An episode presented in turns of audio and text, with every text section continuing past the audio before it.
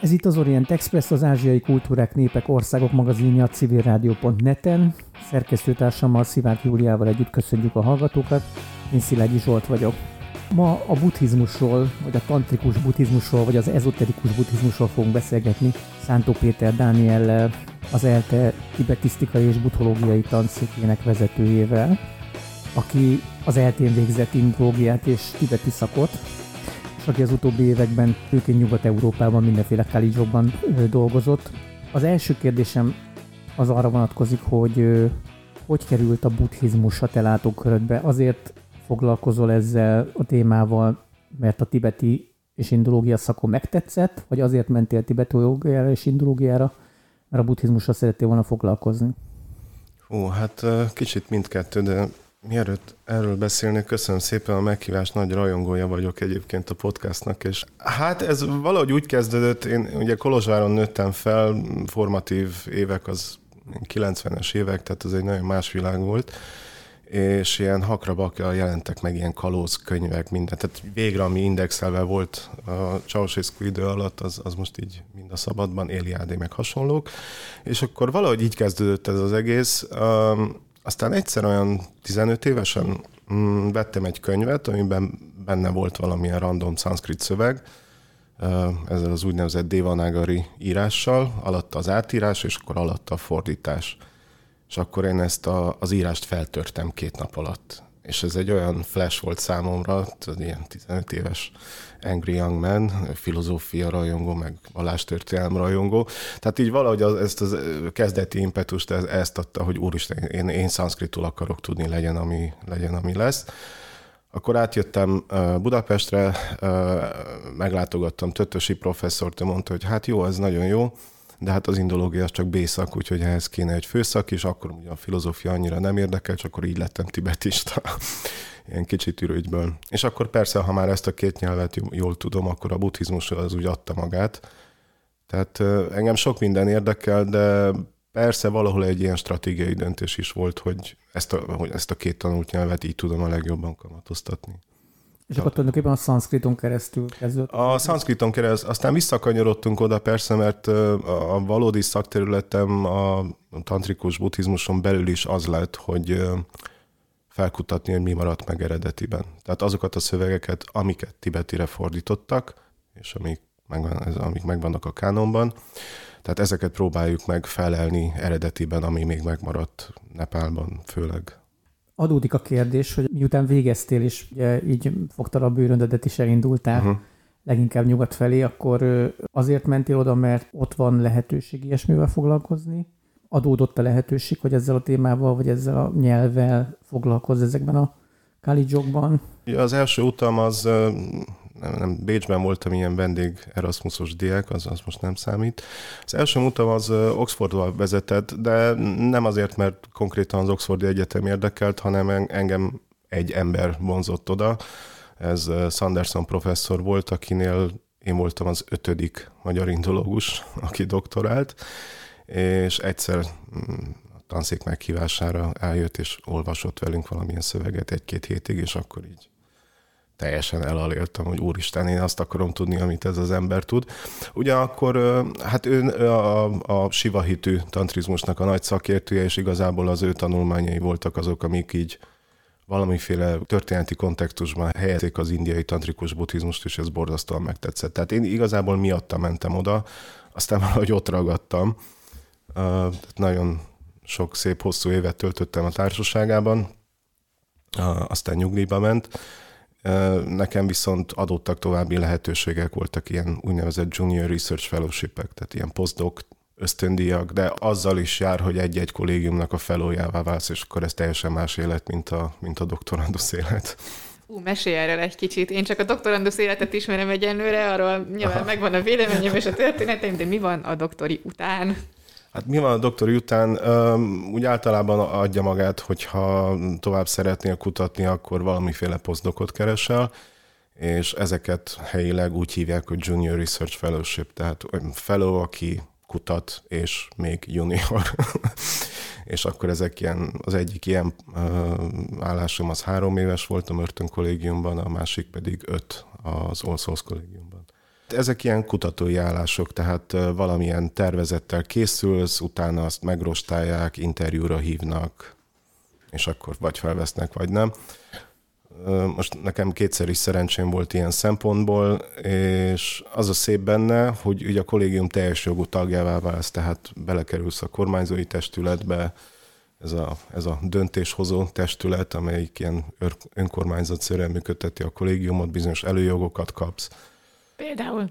Hát az Olszoszban például ráléphettem a fűre, ez volt az egyik nagy. a gyepre, a felóként ráléphetsz a gyepre, ez, ez egy nagy előjog. És akkor a többiek felkapják a fejüket, hogy ő, ő, ő biztos feló. egy feló. Igen, figyeld már, ott, ott, ott, ott trappol át a gyepen, e, ez az egyik ilyen dolog. Hát kapsz ilyen úgynevezett dining rights, tehát kaját, például ebédet és vacsorát ingyér, ami jó és majd erről is mesélek, ha akarjátok, illetve lakhatás, stb. Tehát lakhatsz bent a college-ban, ez azt jelenti? Igen, igen, igen. Az Olszoszban bent laktam négy és fél évig. Ez egy ilyen csipke rózsika egzisztencia volt. És akkor ugye belekerülsz a kormányzó testületbe, tehát van itt én törmönként, vagyis évharmadonként van egy ilyen nagy gyűlés, és akkor megvitatjátok a kollégium ügyes dolgait, hogy mire költjük a pénzt, kivágjuk-e a fát, milyen színű legyen a kávés csésze, hány milliót költsünk erre, arra, amarra. Tehát igazából a régi Oxford úgy működik, hogy ez az ilyen önálló kollégioknak volt egy ilyen laza konfederációja, és minden, főleg a régi kollégiumok azok egy ilyen városállam gyakorlatilag. Tehát olyan felok döntenek minden, minden felett. Tehát ez a füvön is átmegy. És még a füvön is áttrappolhatnak. Ja. Honnan jön a, a finanszírozás? Hát a finanszírozás az a, az alaptőke, az, a, az az alapítótól jön, uh-huh. és hát és ez így gyűl, mert ugye az egyik szép dolog Nagy-Britanniában az a kontinuitás, tehát a, a Mörtönt azt 1243-ban alapították, és azóta az alaptőke gyűl, gyűl, gyűl, gyűl. Uh-huh és mit tudom én, a földeket, amiket a Walter de Merton adományozott a kollégiumoknak nem lehet elidegeníteni, tehát nem lehet eladni. És hát például az Olszosz is piszok gazdag volt, tehát ez egy publikus adat, most nem árulok el semmi ízét, de azt hiszem a most az alaptőke az 350 millió font körül van. Uh-huh. És akkor ennek a kamataiból élünk. Szemmel elég jól látható összeg.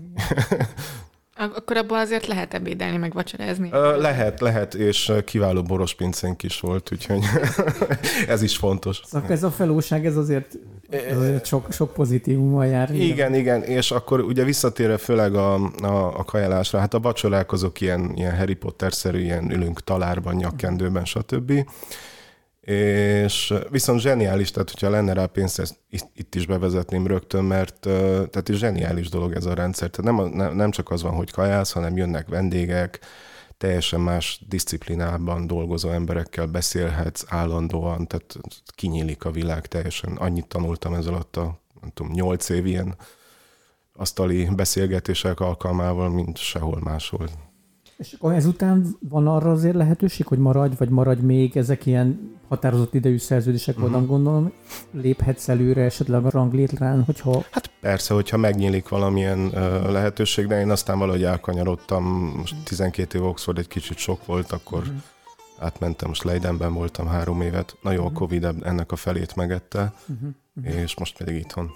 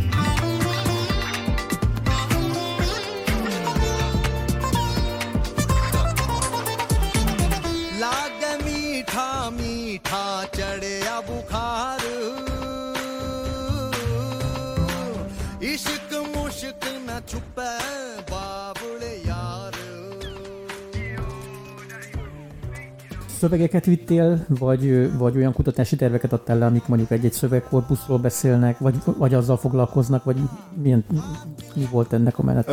Igen, a témáid? Én, a, az én kutatásom nagyon szövegcentrikus, tehát uh, leginkább olyan szövegeket szeretek olvasni, amiket még senki nem olvasott mondjuk 1200 évet, tehát ilyen hmm kéziratárakban hevernek pálmalevélen, tehát pálmalevél kézirat szakértő vagyok. Ez nem az a pálmalevél kézirat, mint az a zseniális szélhámosság, ami folyt egy ideig Magyarországon. Még most is van. Még most is van? Ó, szuper. Na, majd beperelnek. Szóval magyarul téged senki ne a jövőért keressen fel, vagy a múltjáért, vagy az előző életei megfejtéséért, hanem akkor, hogyha a tantrikus buddhizmus érdekli. Hát is, tehát ennek a buddhizmusnak hatalmas kiadatlan irodalma van, és tehát én ezt szeretem csinálni, ilyen kotorászni ilyen régi pálmalevelek között. Hol, hol kotorászol a régi pálmalevelek között? Hát főleg Nepálban, mert ugye Indiában 1200 körül gyors hanyatlásnak indul a buddhizmus, tehát ezeket a szövegeket már nem másolják, és akkor hát jön a monszun, a természetes, a többi, és megeszik és hogyha már nem létezik a vallás, akkor nincs rá pénz se, hogyha nincs, akkor nem másolják.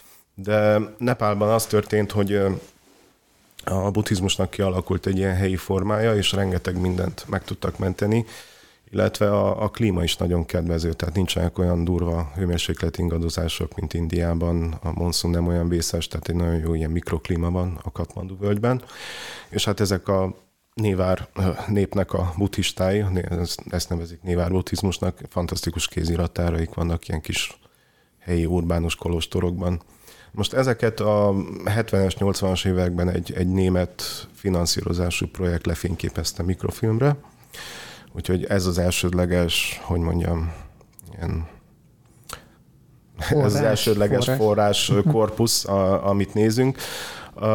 Ugye mostanság kerülnek elő Kínából, tehát a kínai Tibetből nagyon érdekes dolgok. Azt nagyon lassan és kínosan csepegtetik, de vannak még releváns kézirattárak Kalkuttában, Bombayben, Japánban, Cambridgeben és akkor te, te mehettél terepre is, ülhettél ott a levéltárakban, uh, is, van digitális korpusz igen, is, így van, dolgozom. így van, így van. Tehát uh, ritkábban van az, hogy a, magát az, az eredetit uh, nézem, nem is nagyon szeretem, mert uh, törékenyek, leválik róluk még egy rossz, szóval e, ebben nem akarok részt venni, hanem készülnek szép digitális fényképek, és akkor uh, ezt lehet nagyítgatni, uh, otthon ülni fölötte. Uh-huh. Azért engem érdekel, hogy uh-huh amikor elmész és megnézed az eredetit, vagy beengednek egy ilyen levéltárba, hogy az milyen? Szóval, hogy ott, ott a terepen lenni milyen? Az Egyáltalán beengednek? Hát kézirattáról válogatja.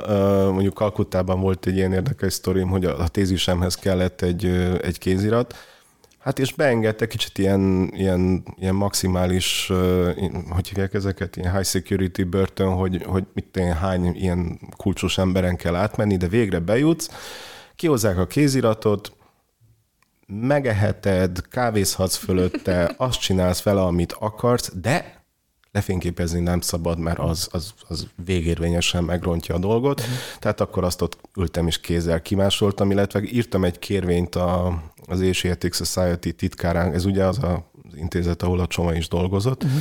és írtam egy ilyen szívhez szóló kérvényt, akkor azt fölvitték a felső emeletre, akkor ott én fél nap alatt aláírta, visszahozta, és akkor ezt így lebegtettem a kéziratárosnak, hogy né, a főnököd aláírta, hozhattam uh-huh. a kamerámat. Azt mondja, nem. Mondom, hogy, hogy nem, hát a, a főnököd aláírta, azt mondja, Hát a főnököm nagyon elfoglalt ember, ő aláírja mindent.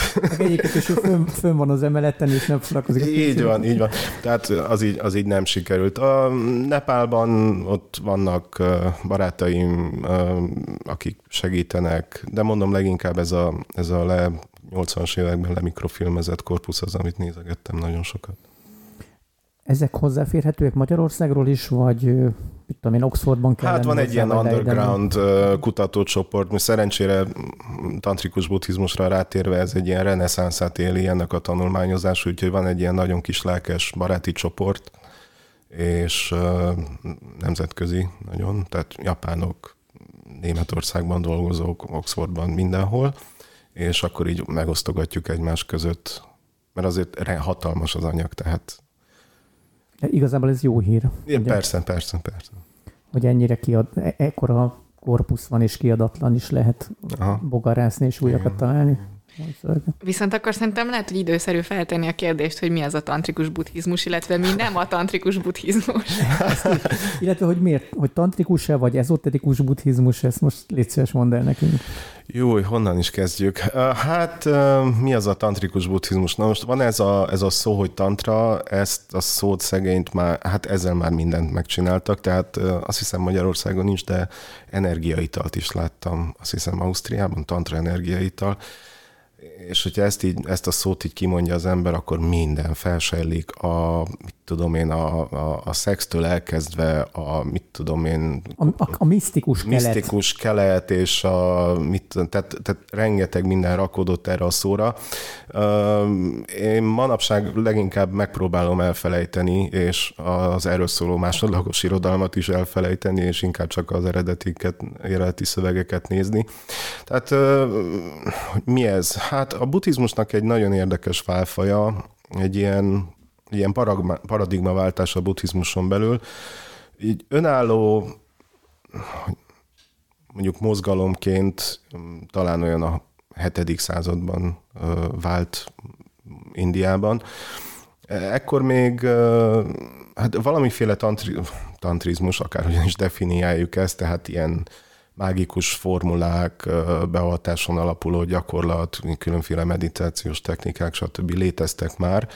Viszont a hetedik század környékén van az, amikor olyan szövegek jelennek, melyek azt mondják, hogy, hogy a megvilágosodást is, tehát a buthaságot, a végcélt is el lehet érni ezen technikák által, és igazából ettől számoljuk azt, hogy létezik önálló tantrikus buddhizmus.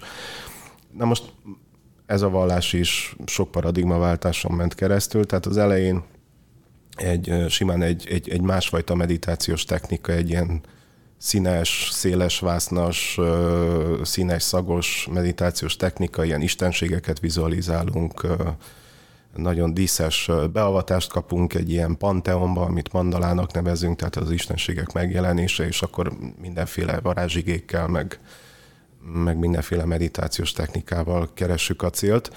Utána egy olyan száz évre rá jön egy ilyen paradigmaváltás, amikor ezek a technikák egy picit megváltoznak, és ilyen úgynevezett antinomiánus vagy transgresszív jelleget töltenek fel. Tehát ennek a logikája az, hogy a, az alapvető rituális tisztasági szabályokat felrúgva próbálnak egyfajta ilyen sok terápiaként valamiféle szellemi előmenetelt elérni.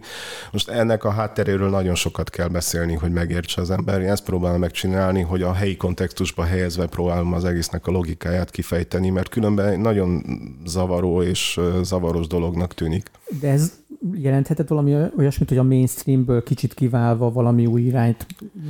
Abszolút, abszolút. Ugyanakkor, és ezt a témavezetőm Sanderson fedezte fel, itt igazából a buddhisták a, a siva hitőek nyomán haladnak, és úgy látszik, hogy az a fajta tantrikus gyakorlatok nagyon tehát nagyon nagy népszerűségre tettek szert, és akkor a buddhizmus, mint a par excellence képlékei és befogadó vallás, azt mondták, hogy hú, hát nekünk uh-huh. is kéne valami ilyesmi.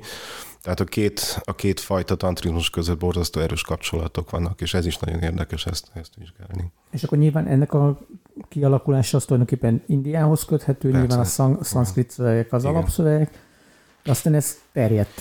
Aztán ez terjedt. Belső Ázsia felé. Így, így van, tehát először Kínában jelenik meg, ebből most már Kínában nem nagyon létezik, de ebből lesz aztán Japánban a Shingon, tehát ez a japán tantrikus buddhizmus. Ők még ezt a régi paradigmát követik, tehát nem ez a szexdrogok, rock'n'roll, transgresszív tantrizmust, hanem abszolút rituális tisztasági szabályokat betartva és utána Indiában, amikor történik ez a második paradigmaváltás, amiről beszéltem, hát akkor lépnek színre a tibetiek. Most a tibetiek már a, a császárság periódusa alatt is tudtak róla, de nagyon úgy tűnik, hogy a császári udvarnak nagyon nem tetszett ez a dolog, és így nem, hát így igen, végül is tiltották. Tehát azt mondták, hogy nem, nem, nem, ezek az ilyen nagyon fura gyakorlatok uh-huh. nekünk nem kellenek. Viszont a császárság megbukik, a 9. század elején, és akkor következik egy ilyen sötét periódus, ami érdekes módon Indiában is egy ilyen sötét középkor, és amikor olyan ezer körül újra terjedni kezd a buddhizmus Tibetben, akkor már nem a császári udvar szponzorizálja az egészet, hanem minden völgy elküldi a tehetséges gyereket Indiában, hogy hozzáfiam már valamilyen buddhizmust. Ez a, ez a későbbi megtérés. Ez a későbbi megtérés, és akkor tehát te, teljesen kontrollálatlan körülmények között minden áramlik be uh, Tibetbe. Tehát teljesen más a két megtérésnek a története. És végül is így kerül be Tibetbe a tantrikus buddhizmus. Utána pedig ugye megtérítik a mongolokat. Ja. Mongoloknak ezek a dolgok borzasztóan tetszenek, mert ilyen nagy harcias istenségek vannak, fegyverekkel, stb. Hát óriási a Panteon mindenféle. Óriási a Panteon, a, kínaiaknak meg borzasztóan tetszik, mert azt mondják, hogy hát nagyon jó, de ez a buddhizmust is szeretjük is támogatni, mert akkor az ugye a mongolokat úgy, úgy, úgy lenyugtatja, és nem lázadoznak. Erről egy felirat, a Junghokunkban van egy felirat, a kínai császár Kerekperec kimondja, hogy Miért szeretjük a buddhizmust? Hát, mert a mongolokat nyugiban tartja. Igen, én azért ezzel vitatkozni. Jó, persze. De, de valóban van egy ilyen, egy ilyen narratíva, azért ez vissza-visszatér, hogy a, uh-huh. hogy a buddhizmus egy kicsit lenyugtatta a mongolokat, valahogy így nem akartak már annyira a mandzsuk ellen, meg egyáltalán a kínaiak ellen mhm. harcolni, uh-huh. meg jó, hát, később, amikor, már jó, nyilván jóval később, amikor a mandzsukorban támogatják komolyan a vallást, akkor... Jó, persze itt most egyszerűsítünk egy picit a, a befogadhatóság kedvéért. Most ezen kívül ugye volt még tantrikus buddhizmus Sri Lankán is, érdekes módon, most nem, nem asszociáljuk Sri Lankát az ilyesmivel, de ott is volt, Dél-Kelet-Ázsiában is volt, Indonéziában, Balin, tehát egészen Balig elterjedt. Uh-huh és manapság pedig ez a szanszkrit liturgikus, szanszkritot, mint liturgikus nyelvet használó ezoterikus buddhizmus még mindig létezik Nepálban, főleg a Katmandu völgyben. Persze ott is egy átalakuláson ment keresztül, ott egy picit megkasztosodott a buddhizmus. Nagyon érdekes egyébként ez a nepáli buddhizmus. Nekünk ez itt Magyarországon egy picit egy ilyen vak volt. Igen. Valahogy abszolút. Indiát azt jól csináltuk, Tibetet azt jól csináltunk, és akkor így, ami közötte van, az, az úgy nem Úgyhogy ezen az, is szeretnék változtatni. Hát mondjuk az azért barom érdekes, hogy elmész tudom, Nepálba, és bújod az, tehát keresel szövegeket, eredeti szövegeket, vagy nagyon korai szövegeket, és hogy van mellette egy ilyen élő tantrikus hagyomány, azért az marha érdekes. Igen, csak van egy kis probléma vele, hogy a, a névárok nem igazán olyanok, mint a tibetiek. Tehát, uh-huh. hogyha megjelensz egy névár tantrikus mesternél, és mondod, hogy te ezt és ezt szeretnéd tanulni, akkor azt mondja, hogy Kívültágasra. Kopás van, tehát itt apáról fiúra száll, csak egy kaszton belül adhatnak beavatást egymásnak, tehát ez egy teljesen más történet. Mostanság vannak, akik így be tudnak úgymond hekkelni ebbe a, ebbe a hagyományba, illetve a névár társadalmon belül is picit féltékenyen figyelik a tibetiek sikerét, hogy nagyon sok nyugati diákjuk van, özönlik a, a támogatás, és így tovább. Tehát valamit valamit változtatni kell, de ez, ez így most történik, tehát hogy a következő 10-20 év nagyon érdekes lesz. Mert igazából akkor, és már utaltál erre, hogy végül is a, a, ez a tantrikus buddhizmus, vagy annak bizonyos elemei, bizonyos hullámai azért nyugatra is eljutottak. Igen, főleg tibeti közvetítéssel, de azt is meg kell mondani, hogy a hogy Tibetben is lement egy, egy, egy nagyon érdekes változás, ugyanis hát már ez Indiában is probléma volt, tehát hogy ezer körül, amikor így magára talál a buddhizmus, és újra császári támogatást kap, akkor a, a szerzetesi közösség valahogy ott találta magát, hogy van ez a tantrikus buddhizmus, főleg ez a transgresszív jellegű valami, amiben egyébként van szex is, tehát ezt kár tagadni, viszont ez így eléggé összeegyeztethetetlen a szerzetesi élettel. És akkor most hogy van ez, hogy ez a leghatékonyabbnak, legerősebbnek kikiáltott vallási praxis, az nem a szerzetesek kezében van. És ez egy nagyon érdekes konfliktust eredményezett, és akkor a, a szerzetesi közösség megpróbálta megszelídíteni kvázi ezt a vallást, tehát hogy Jaj, azt nem is úgy érti a szöveg, amit mond, hanem ezt csak vizualizálni kell. Jaj, az nem is vér meg koponya, hanem mit tudom én mi, tehát el, előkerül a szubstitúció elve, hogy hát ami nem tetszik, akkor azt kiváltjuk valamivel. Ezt a fajta ilyen beavatási rendet, a, a, a mester-tanítvány viszonyt, ennek a változását, ezt mennyire követik a szöveg, mennyire látjátok jól a szövegekből, tehát hogy, hogy igazából arra vagyok kíváncsi, hogy, hogy volt-e ennek egy, egy, egy olyan szakasza, amikor egy kicsit könnyebben hozzáférhetővé vált ez az egész történet. Kinek a számára? A tanítványok számára válhattam-e könnyebben tanítványá, mint mondjuk száz évvel korábban, vagy, vagy nem?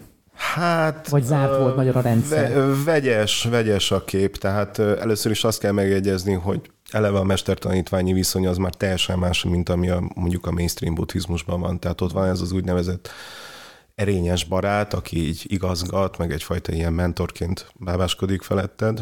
A tantrikus buddhizmusban viszont az avató mester az, az mint egy isten, tehát amit mond, azt meg kell tenni, tehát egy, egy, egy, egy ilyen vazalusi kapcsolatba kerül vele gyakorlatilag a tanítvány. Tehát már a hagyományozási paradigma teljesen más, mint ami előtte volt.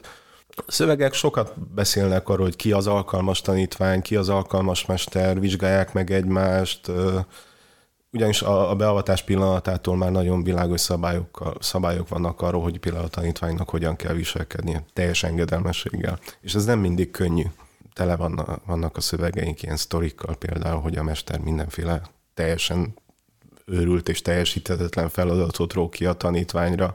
Persze mindig van mindennek valamilyen logikája, hogy ezt azért csinálta, mert, hogy mit tudom én, büszkeségétől szabaduljon meg, és így tovább. Ez, ez, ez egyfajta beavatás, vagy egyfajta próbatétel, amin végig kell menni azért, hogy közelebb kerüljön a végcélhoz a tanítvány? Vagy csak nettó szivatás, mint Vagy... a katonaság első hónapja. Hát fel tudja, hogy ez akkoriban hogy volt. Na most beszéljünk arról is, hogy mi a beavatás. Most a beavatás az nem, jó, igen, valamilyen misztikus valami, de valójában itt az történik, hogy ez egy, ez egy rituálé és ez igazából semmiféle nagy misztikus erőt nem ad át a tanítványnak, hanem egyszerűen feljogosítja arra, hogy ezeket a praxisokat végezze. Ennyiről szól az egész, ez a, ez a beavatás.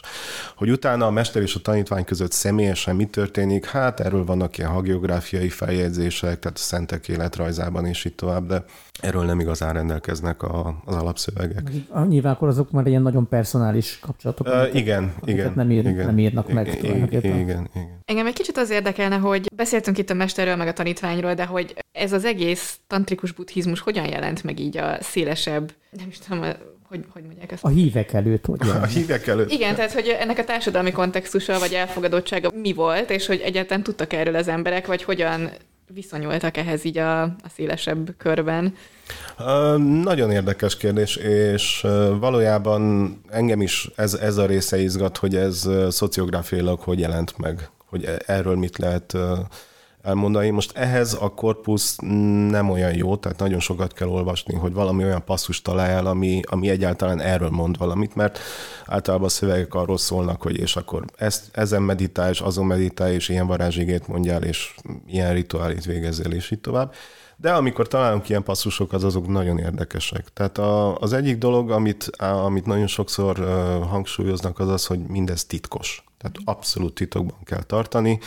Persze ők is tudták nagyon jól, hogy ez lehetetlen, és azért egy picit ez egy olyan titok volt, amiről mindenki tudott, tehát volt benne egyfajta ilyen marketing fogás is, hogy ez nagyon titkos.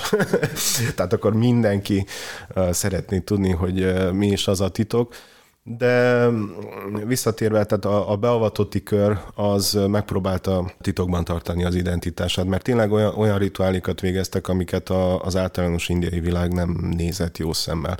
Sőt, olykor a királynak normatív alapon közbe kellett volna lépnie, hogy mit tudom én, kasztok közötti keveredés van, meg hasonlók, meg mit tudom én, kaszton kívüli lányok vannak partnerként, meg ilyenek. Tehát mindezt a lehető legnagyobb titoktartással kellett végezni. Aztán vannak olyan szövegek is, amik azt mondják, hogy hát egy ideig tartsa titokban a praxisát a jogi, de amikor varázserőkre tett szert, most lefordítva az én cinikus nyelvemre, amikor elterjed a hír, hogy ő egy ilyen nagy varázsló és ilyen-olyan ereje van, hát akkor, akkor viszont kiléphet a, a szabadba és csinálhat bármit, mert hogy a király akkor félni fog tőle. Nehogy a hadsereggel csináljon valamit, mert ugye vannak ilyen rituálék is, hogy hadsereget megállítani szénáztam van, és hasonlók. Illetve érdekes módon voltak olyan buddhisták is, akik azt mondták, hogy hát jó dolog ez a tantrikus buddhizmus, de igazából nincs rá megfelelő gyakorló ebben a mi hanyatló időnkben, akkor is régebben minden jobb volt. Tehát azt mondták, hogy ez egy ilyen hanyatló időszak, és tehát érdekes módon nem azt mondják, hogy ez, ez egy hülyeség, és hogy ez egy ilyen eretnekség, hanem azt mondják, hogy mm, maradjon csak szépen ott a polcon, és ne csináljuk. És többek között azt mondják, hogy azért is, mert hogy a, király meg fog minket büntetni. Szóval ilyenekről írtam egyébként. Nagyon érdekes ez a része, hogy a, hogy a társadalomban milyen kép élt arról az emberekről. Egyébként szerintem ugyanaz, ami most, tehát most is Indiában az van, hogy most nem tantrikus buddhistákról beszélünk, hanem mondjuk tantrikus hindukról. Ilyen varázslók, gyanús arcok. Bengálban is, hogyha el, elmész a tárápítához, akkor ott, ott az a helyi ilyen nagy tantrikus galeri van, és akkor úgy, úgy oda megy az ember, és úgy tiszteletté teszi, és megérinti a lábukat, de a, a feleség és a, és a lány az ott marad a dzsibben is. Ilyen félelemmel, vegyes tisztelettel figyelik őket. Tehát jó, jó velük jóba lenni, de azért mm, sose lehet tudni, hogy mire képesek ezek. Tehát tényleg egy ilyen, egy ilyen liminális valamiféle emberekként szerepelnek most.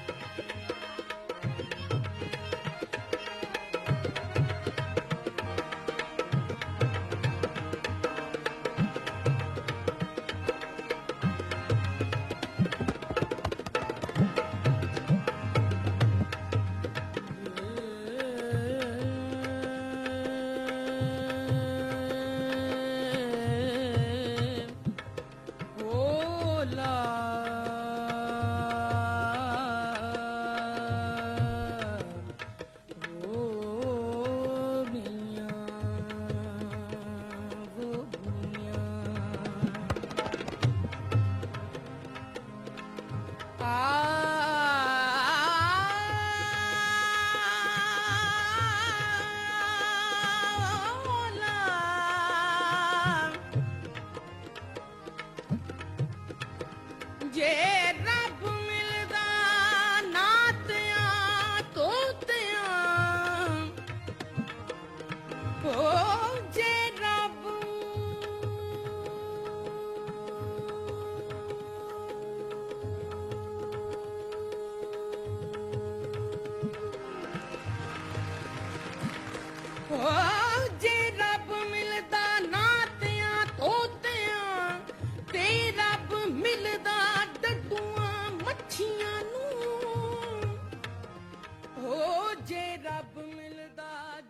Milyen praxisokról olvastok, vagy milyen rituálikról olvastok? Fú, minden, minden. Tehát ami, ez, ami, ez nekünk kevés, ez nekünk kevés, hogy minden. Ami, ami szemszájnak ingere.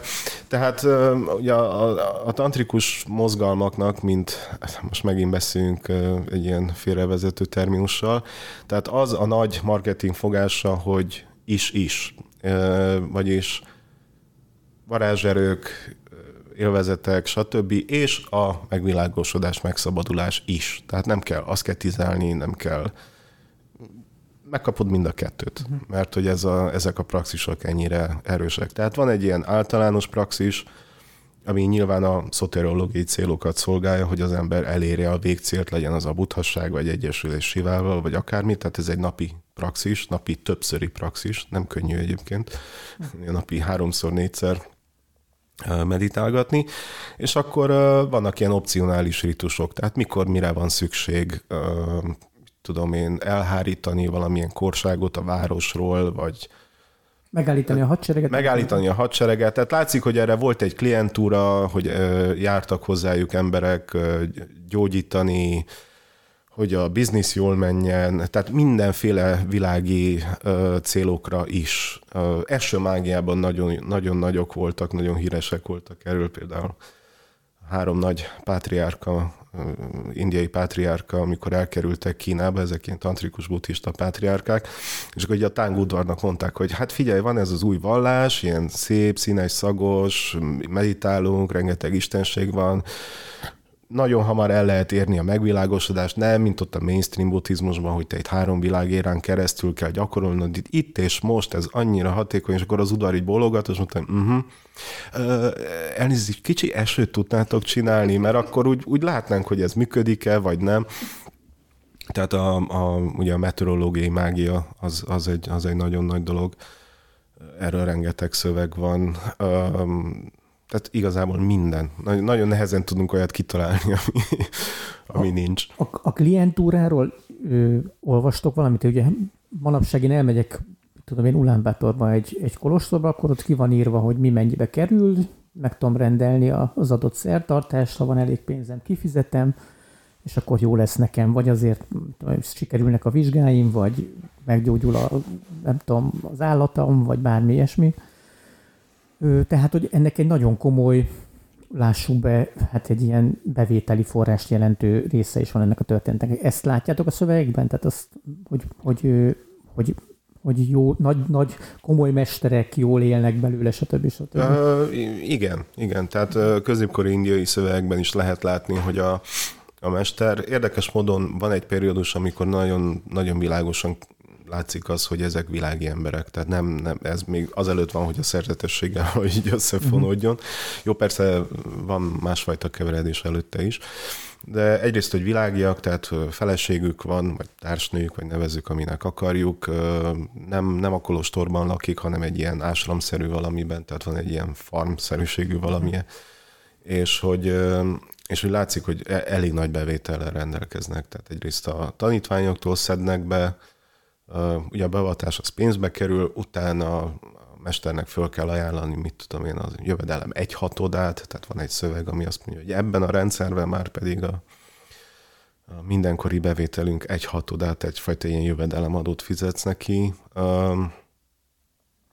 illetve persze a, a rituálékból, tehát a, a civil szférának elvégzett rituálékból jönnek be jönnek be pénzek.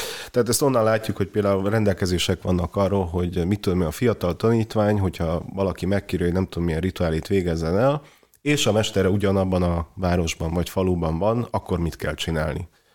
Most visszafejtve, ez azt jelenti, hogy hát nyilvánvaló, hogy voltak ilyen helyzetek, mert különben ugye nem lenne rendelkezés róla, és akkor azt mondja, hogy mit tudom én, a mester engedélye nélkül nem, a felét, oda, a felét a díjnak oda kell adni neki, vagy mit tudom, háromnegyedét, vagy van, aki azt mondja, hogy mindent, és aztán majd a mester vissza csorgat neked valamennyit. Tehát valószínűleg e, elég, elég hatalmas vagyonnal rendelkeztek.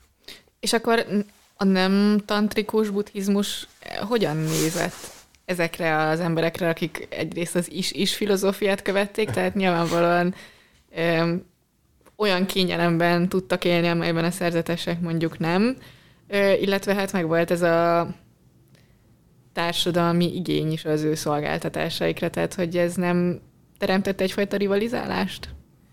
Uh, nem, mert utána végül a, a szerzetesi közösség ezt valahogy be tudta uh, építeni a saját maga praxisába, tehát igazából 1000 és 1200 között valamennyire mindenki tantrikus volt valamilyen szinten. Ki persze ezeket az ortodox buddhistákat, akiket nagyon nem szeretünk, a tantrikus buddhisták, és érdekes módon ők se szeretnek minket. Most első szem első szemében mondom viccből. Tehát erről is vannak, vannak történeti adatok, nyomok, hogy a konfliktus inkább az ortodox buddhisták között volt, mint mondjuk így a Mahayana. Bocsánat, itt is kell mondjam, magyarázni kellett volna egy kicsit. Tehát, hogy, hogy volt a buddhista közösségnek egy része, amelyik befogadó volt, vagy megtűrte, vagy tolerálta, és volt egy része, amelyik azt mondta, hogy ez totál eretnekség, és ezt, ezt pusztítani kéne, mert ez, ne, ez nem, nem vezet jóra. És nekem ez lett volna a kérdésem, de akkor félig pedig válaszoltál rá, hogy, hogy tulajdonképpen akkor 12. század környékétől ez így be betagozódik ebbe a szerzetesi rendszerbe, vagy legalábbis bizonyos praxisai betagozódnak a Igen. szerzetesi rendszerbe, és akkor onnantól kezdve már inkább ezen keresztül működik. Uh, is is, tehát uh, párhuzamosan léteztek egymással, mint például a Tibetben is, tehát voltak világi rendek, voltak mm. olyan rendek, ahol a, a, a vallásgyakorlat főletíteményesei, szerzetesi személyek voltak, tehát uh, hihetetlen sokszínűség van ebben a vallásban. Ez, e, ez teszi izgalmasá, tehát én 20 éve bibelődöm vele, és még mindig tud meglepetéseket okozni, hogy van valamiről egy elképzelésem, és akkor jön valami, mint homlok egyenest ellentmond neki. És akkor ez is jó volt, ez is történt, az is történt, szóval nagyon sokszínű. De mondjuk szerintem Indiával kapcsolatban ez általánosságban elmondható, tehát hogy ez valamilyen nagy kulturális dolog Indiával kapcsolatban gyakorlatilag mindenre találsz példát, és az ellenkezőjére is. Így van. És nagyon nehéz ilyen definitív dolgokat mondani Indiára bármelyik történelmi periódusban, vagy bármilyen témakörben. Hát igen, csak azért az mégis, mégis kilépett Indiából, elment Tibetbe, elment, eljutott Japánig, elment ö, mongolokhoz, ahol mondjuk ezt a, ezt a világi praxist azért kevésbé látom, tehát ott inkább a kolostori rendszer működik, és akkor ott egyértelműen a szerzetesek. Igen, de te is láttál már ilyen, ilyen picike Mongóliából származó szövegeket, hogy a, a, a, mit tudom, a falusi láma tehát egy, egy, egy, egy, egy indiai tantrikus Igen. modellen ö, alapuló szertartást végezzel azért, hogy mit tudom én, a tevéket meggyógyítsák. Igen. Vagy, hát, vagy esővarázslás. Vagy esővarázslás. Tehát e, ez a csodálatos a buddhizmusban egyébként, hogy minden körülményhez alkalmazkodni tudott. Most bocsánat, vegyük el egy veszőparipámat, hogy miért is kell buddhizmussal foglalkozni. Hát mert ez a vallás meg tudta szólítani mondjuk fél Ázsiát, vagy háromnegyed Ázsiát, és azért ez nem kevés civilizáció és nem kevés emberről van szó. Illetve, amit szerintem sosem szabad elfelejteni, hogy nem csak Ázsiát szólította meg, tehát hogy én, a nyugati világot például olyan korszakban szólította meg, amikor azért nem gondolta volna az, az ember, hogy a vallásnak ilyen szerepe lehet. Én emlékszem, hogy akkor hallottam először a buddhizmusról, amikor Richard Gere ugye a 90-es évek nagy szívtipről bejelentette, hogy ő buddhista lesz, én megkérdeztem anyukámat, hogy az Miről van szó? Nekem is az egyik ilyen szövegolvasásomra bejött a Russell Brand, nem tudom, ő azt hiszem, hogy nem egy olyan nagy név, de egy nagy botrányhős Nagy-Britanniában. Komikus, nem? Vagy valami Hát vicces, ilyen rádió, fiú. mindenféle. Aha. Igen. Szóval igen, de ez még mindig töretlenül népszerű, tehát nemrég olvastam egy ilyen kimutatást, hogy a nyugati parton a leggyorsabban növekvő vallás. vallás igen. Jó, persze ez a Kelet-Ázsiából bevándorló emberek számával is magyarázható, de azért azért vannak, vannak bőven. Meg hát nyilvánvalóan azért a buddhizmusban, meg a keleti vallásokban, ugye általánosságban van egy nagy mértékű flexibilitás, hiszen ezért tudott minden környezetet adaptálódni, nyilván lehet úgy hajlítani, úgy magyarázni, hogy ez megfeleljen a lokális kontextusnak, és hát ez nem szűnt meg, tehát hogy azért gondolom egy amerikait is pont ezért is meg tud szólítani, vagy Magyarországon is pont tudjuk valahogy úgy értelmezni a dolgot, hogy, hogy, hogy megszólítsam. Hát ezért érdemes a buddhizmussal foglalkozni, mert hogy mindenre választod. Meg másra is. Mindenre is, mindenre is választod.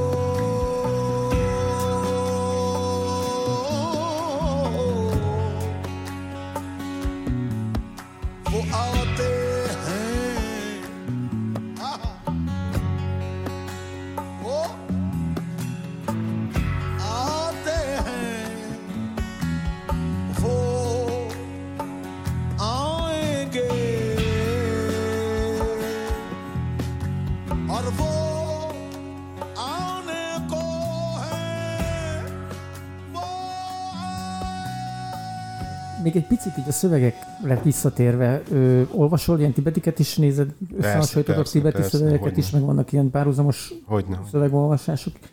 Látok ott ö, nyilván valami, van valami fajta változás abból, vagy, vagy abból a szempontból, hogy az eredeti szanszkrit szövegek mondjuk egy tibeti megközelítésben, tibeti szövegben mennyit változnak, ezeket így lehet valamennyire érzékelni, vagy inkább nyilván más, talán más szókincsel, de azért ö, ö, ragaszkodtak az eredeti szöveg maximális követéséhez. Hát a, a tibeti fordítás technika az ugye az, hogy szóró-szóra fordítunk minden szanszkritban. Gyakorlatilag a klasszikus tibeti nyelv az egy kitalált nyelv arra, hogy szanszkritot tudjanak fordítani. Most az a kérdés, hogy mennyire jók ezek a fordítók. A másik kérdés az, hogy azért ezek a tantrikus szövegek nem, főleg az úgynevezett szent szövegek, maguk a tantrák, nem a legjobb szanszkritsággal vannak írva némileg ez is szándékos volt, tehát ezzel is egy, ez is egyfajta ilyen transgresszív dolog, hogy hát akkor mi most nagyon rossz szanszkritsággal fogunk, fogunk írni. Tehát tényleg sokszor a, az a érthetetlen. Tehát, hogy az irodalmi szövegtől ennyire eltérnek? Ó, nagyon-nagyon-nagyon. Nagyon, és ilyen, lehet, hogy direkt, és valószínűleg direkt ö, valami, Vagy igen, van benne valami? Valamennyire, valamennyire direkt. Tehát én ezzel a kérdéssel nagyon sokat foglalkoztam, mert az a szöveg, amit a tézisemben dolgoztam fel, az az a legborzasztóbb nyelvtannal megírt szöveg valaha. Tehát... És akkor miért ezt választottad?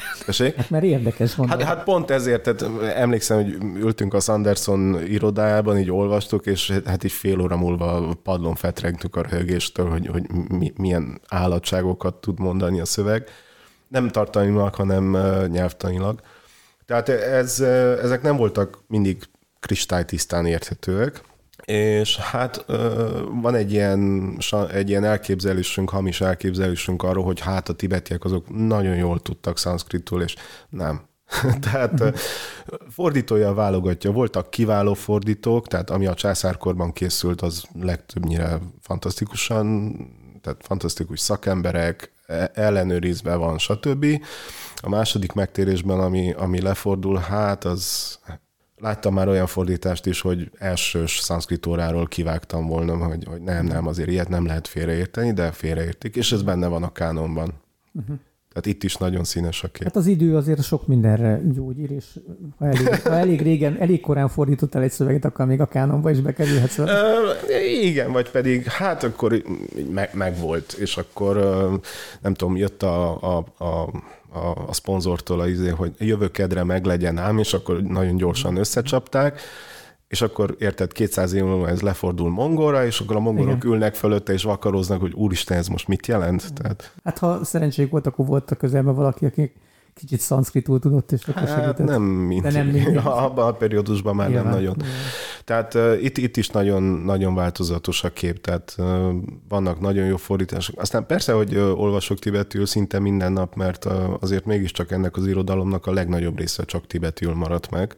De mondom, most már egy 20 év után már tudom úgy olvasni a tibetit, hogy így hallom a, a szanszkritot mögötte valahogy így virtuálisan és hogyha valami baj van, akkor azt esetleg észreveszem, vagy nem. Tehát még az a, beszélgetés elején volt egy ilyen félmondatod, amire így szeretnék vissza, visszakérdezni. Azt mondtad, hogy Kínából így csepegtetve így elő, elő-elő uh-huh, kerülnek uh-huh. szövegek mostanában, ami hát azért ugye nagyon érdekes. Azt tudjuk, hogy milyen helyzetben van Tibet Kínán belül, Igen. azt is tudjuk, hogy a kínaiak hogyan viszonyulnak ehhez a Tibet, mint önálló kultúra kérdéshez. Nyilván nem akarok ebben most nagyon részletesen belemenni, de, de az nagyon érdekes, hogy hogyha mégiscsak hozzáférhetővé válnak nyugatról is olyan anyagok, amik ebből a tekintetben is érdekesek lehetnek, tudományosan is érdekesek lehetnek is elég korai szövegek például. Uh, igen, tehát uh, az ilyen kéziratok többsége azok a kéziratok, amiket a panditok hoztak föl Indiából. És ez természetesen a tibeti klíma az ideális ennek a, a, a megmaradására, tehát láttam már 11. századi kéziratokat, még csillogott rajta a tinta, tehát olyan jó száraz levegőben nagyon jó dolog ilyeneket tartani. Na most a, a, a kínaiak persze érzik, hogy milyen kincsen ülnek, azt is tudják, hogy nem igazán van meg az, az, az a mennyiségű szakembergárdájuk hozzá, hogy, hogy ezt csak ők fel tudják dolgozni. Persze vannak kiváló szakembereik is, de hát ez egy hatalmas vallás, hatalmas irodalommal, tehát minden disziplinának van valamilyen szakte, szaktekintély, és akkor ő, ő azzal foglalkozik, de mellette van még három ezer szöveg, ami nincs feldolgozott. Tehát nagyon jó lenne valamiféle további, nem tudom, ilyen együttműködés együttműködést kialakítani, tényleg hatalmas kincsek ezek, és nem, nem kell félteni, tehát van, van itt elég mindenkinek még, még száz évig, vagy 100-150 évig, tehát tényleg hatalmas mennyiségű irodalom. Engem azt foglalkoztat, hogy ugye hogy a kínaiak hagyják, hogy hozzáférhető. Nem, nem hagyják, nem, nem hagyják. hagyják. Tehát a, olyan nincs, hogy, hogy én most oda megyek, és nem tudom mi, hanem együttműködéssel, vagy küldenek egy doktorandózt, akinek aztán vagy, kedve, vagy van kedve ahhoz a szöveghez, vagy nincs, tehát ilyet is láttam már, hogy szegény semmi kedve nem volt, mert, mert ő teljesen más disziplinával akart foglalkozni. Szegény matematikus akart lenni, aztán elküldték. Nem, nem, tehát más, más buddhista irodalom érdekelte, mit én nem tantra, hanem mondjuk a szerzetesi regulák, és akkor, és akkor ott szegény kínlódott, hogy miért kell, miért kell nekem ezt olvasni. Mondjuk azt furcsálom, hogy nem húzta be a tantrikus buddhizmus, azért az annyira, annyira érdekes. Nem, nem mindenkit. Nem vagyunk egy formák, hát az az igazság. Így az adás vége felé árul, de hogy mostanában mit, mit olvastok, vagy mit olvasol? Hát mostanában a legutolsó, hát az egyik dolog, ami nagyon foglalkoztat, egy szinte egy Kínából előkerült kézirat, még a 30-as években fotózták le, úgyhogy megvan. Ez egy ilyen prédikátor tankönyv, hogy hogyan prédikáljunk a, a világi híveknek, valószínűleg egy 5. századi szöveg, ez, ez foglalkoztat borzasztóan. Most pedig egy kiállításra készülünk Kolozsváron, egy a legkorábbi kolozsvári szanszkritista gyűjteményét állítjuk ki. Ez magángyűjtemény? Vagy Nem, ez Brassai Sámuel volt, uh-huh. a, a, az utolsó erdélyi polihisztor, uh, szanszkritul is tudott, mert miért ne, és uh, valaki felhívott egy ilyen helyi intézettől, hogy nézd már, vannak itt szanszkrit könyvek az akadémia könyvtárában, és nézem már meg valaki, aki el tudja olvasni. Úgyhogy most ezzel, ezzel foglalkozgatok, és akkor így keresgélem ennek az egésznek a kulturális hátterét, hogy egy kicsit így kontextusban helyezni. Igen, igen, uh-huh. tehát borzasztó állatságokat talál ilyenkor az ember. A kedvencemet elmondom, lehet, hogy ez így végszónak is jó lesz. Mit gondolsz, mikor hallották azt a szót először Magyarországon, hogy butha? Tipp? Ja, ez ilyen beugratos kérdés? Ne, beugratos kérdés. 19. század? Nem, korábbi. 17. Korábbi. Valószínűleg Mátyás király udvarában. Tudom, most ez egy hülyeség. Hogy? Hát hogy, épp Igen. pontosan. Volt János Pannoniusnak ez a haverja, Galeotti, uh-huh. ez a, az olasz humanista, uh-huh. és ő már valószínűleg már Olaszországban ír egy könyvet Mátyás királyról, latinul, és az egyik ilyen random storyban van egy ilyen megjegyzése, hogy hát szerint a Budát, mint Jaj, Buda, mint Budavára, azt lehet, hogy a Budha után nevezték el. És így ugye nem ő, nem ő az első, aki előállt ezzel, tehát pluszán sans, de... Gyakori kérdések.hu is gondolom ezt Igen, igen. Ezt a választ. Na, szóval ez, ez már olyan 1470 körül valószínűleg itt a budai várban beszélgették, uh-huh. hogy Mátyás király meg Gále Ottót sétálgattak, és mondták, hogy figyelj Mátyás, szerintem lehet, hogy ez a Butháról van elnevezve. Most az a kérdés, hogy Gále Ottó honnan tudott erről, valószínűleg Szent Jeromos írásaiból, és így tovább. De egy ilyen kultúrtörténeti érdekességként nekem nekem ez borzasztóan tetszett, hogy Butha, Pest.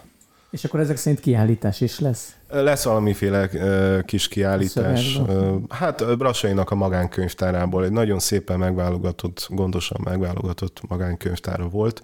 Dicsekszik is az egyik levelében, hogy neki több van, mint Pesten. Hát köszönjük szépen. Én köszönöm. További jó munkát kívánunk ehhez a közelben lévő feladathoz is, meg aztán a többi szöveghez. Köszönjük szépen Szántó Péter Dánielnek, hogy elfogadta meghívásunkat, és köszönjük a hallgatóknak a figyelmet. Önök az Orient Express-t, az Ázsiai Kultúrák magazinját hallották, a szerkesztők Szivák Júlia és Szilágyi Zsolt voltak a viszont hallásra.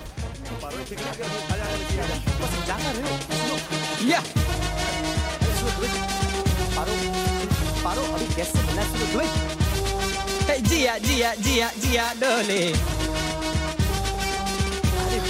संभाल के एक दो तीन चार छ ये दिल पिघला के साज बना लू धड़कन को आवाज़ बना लू। स्मोकिंग स्मोकिंग निकले रे धुआँ।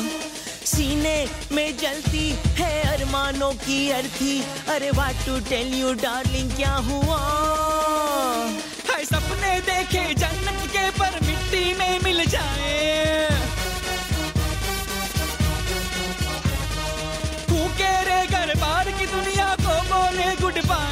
चढ़ जाए, हाय अल्लाह, जिसको भी ये बुखार। तौबा तेरा जलवा, तौबा तेरा प्यार, तेरा इमोशनल अत्याचार। तौबा तेरा जलवा, तौबा तेरा प्यार, तेरा इमोशनल अत्याचार। जाओ जाओ दिल पर। ओ दिल पर तौबा तेरा जलवा तौबा तेरा प्यार तेरा इमोशनल अत्याचार।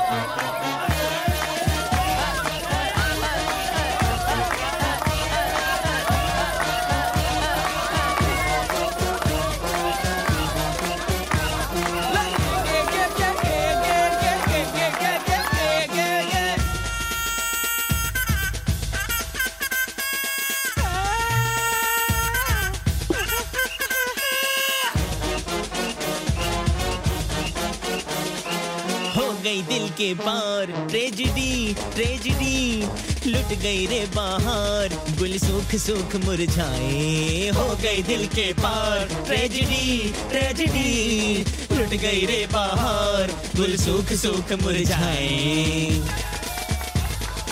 बोल बोल, भाई, डिड यू डिच मी ज़िंदगी भी ले ले यार किल मी। बोल बोल, भाई, डिड यू डिच मी होर बोल बोल भाई टिडियो टिचमी ज़िंदगी भी ले ले यार किलमी जाओ बिया जाओ बिया जाओ बिया तौबा तेरा जलवा, तौबा तेरा प्यार, तेरा इमोशनल अत्याचार. तौबा तेरा जलवा तौबा तेरा प्यार तेरा इमोशनल अत्याचार। जाओ जाओ ओ दिल पर। ओ दिल पर तौबा तेरा जलवा तौबा तेरा प्यार तेरा इमोशनल अत्याचार। इमोशनल अत्याचार। अरे तेरा इमोशनल अत्याचार।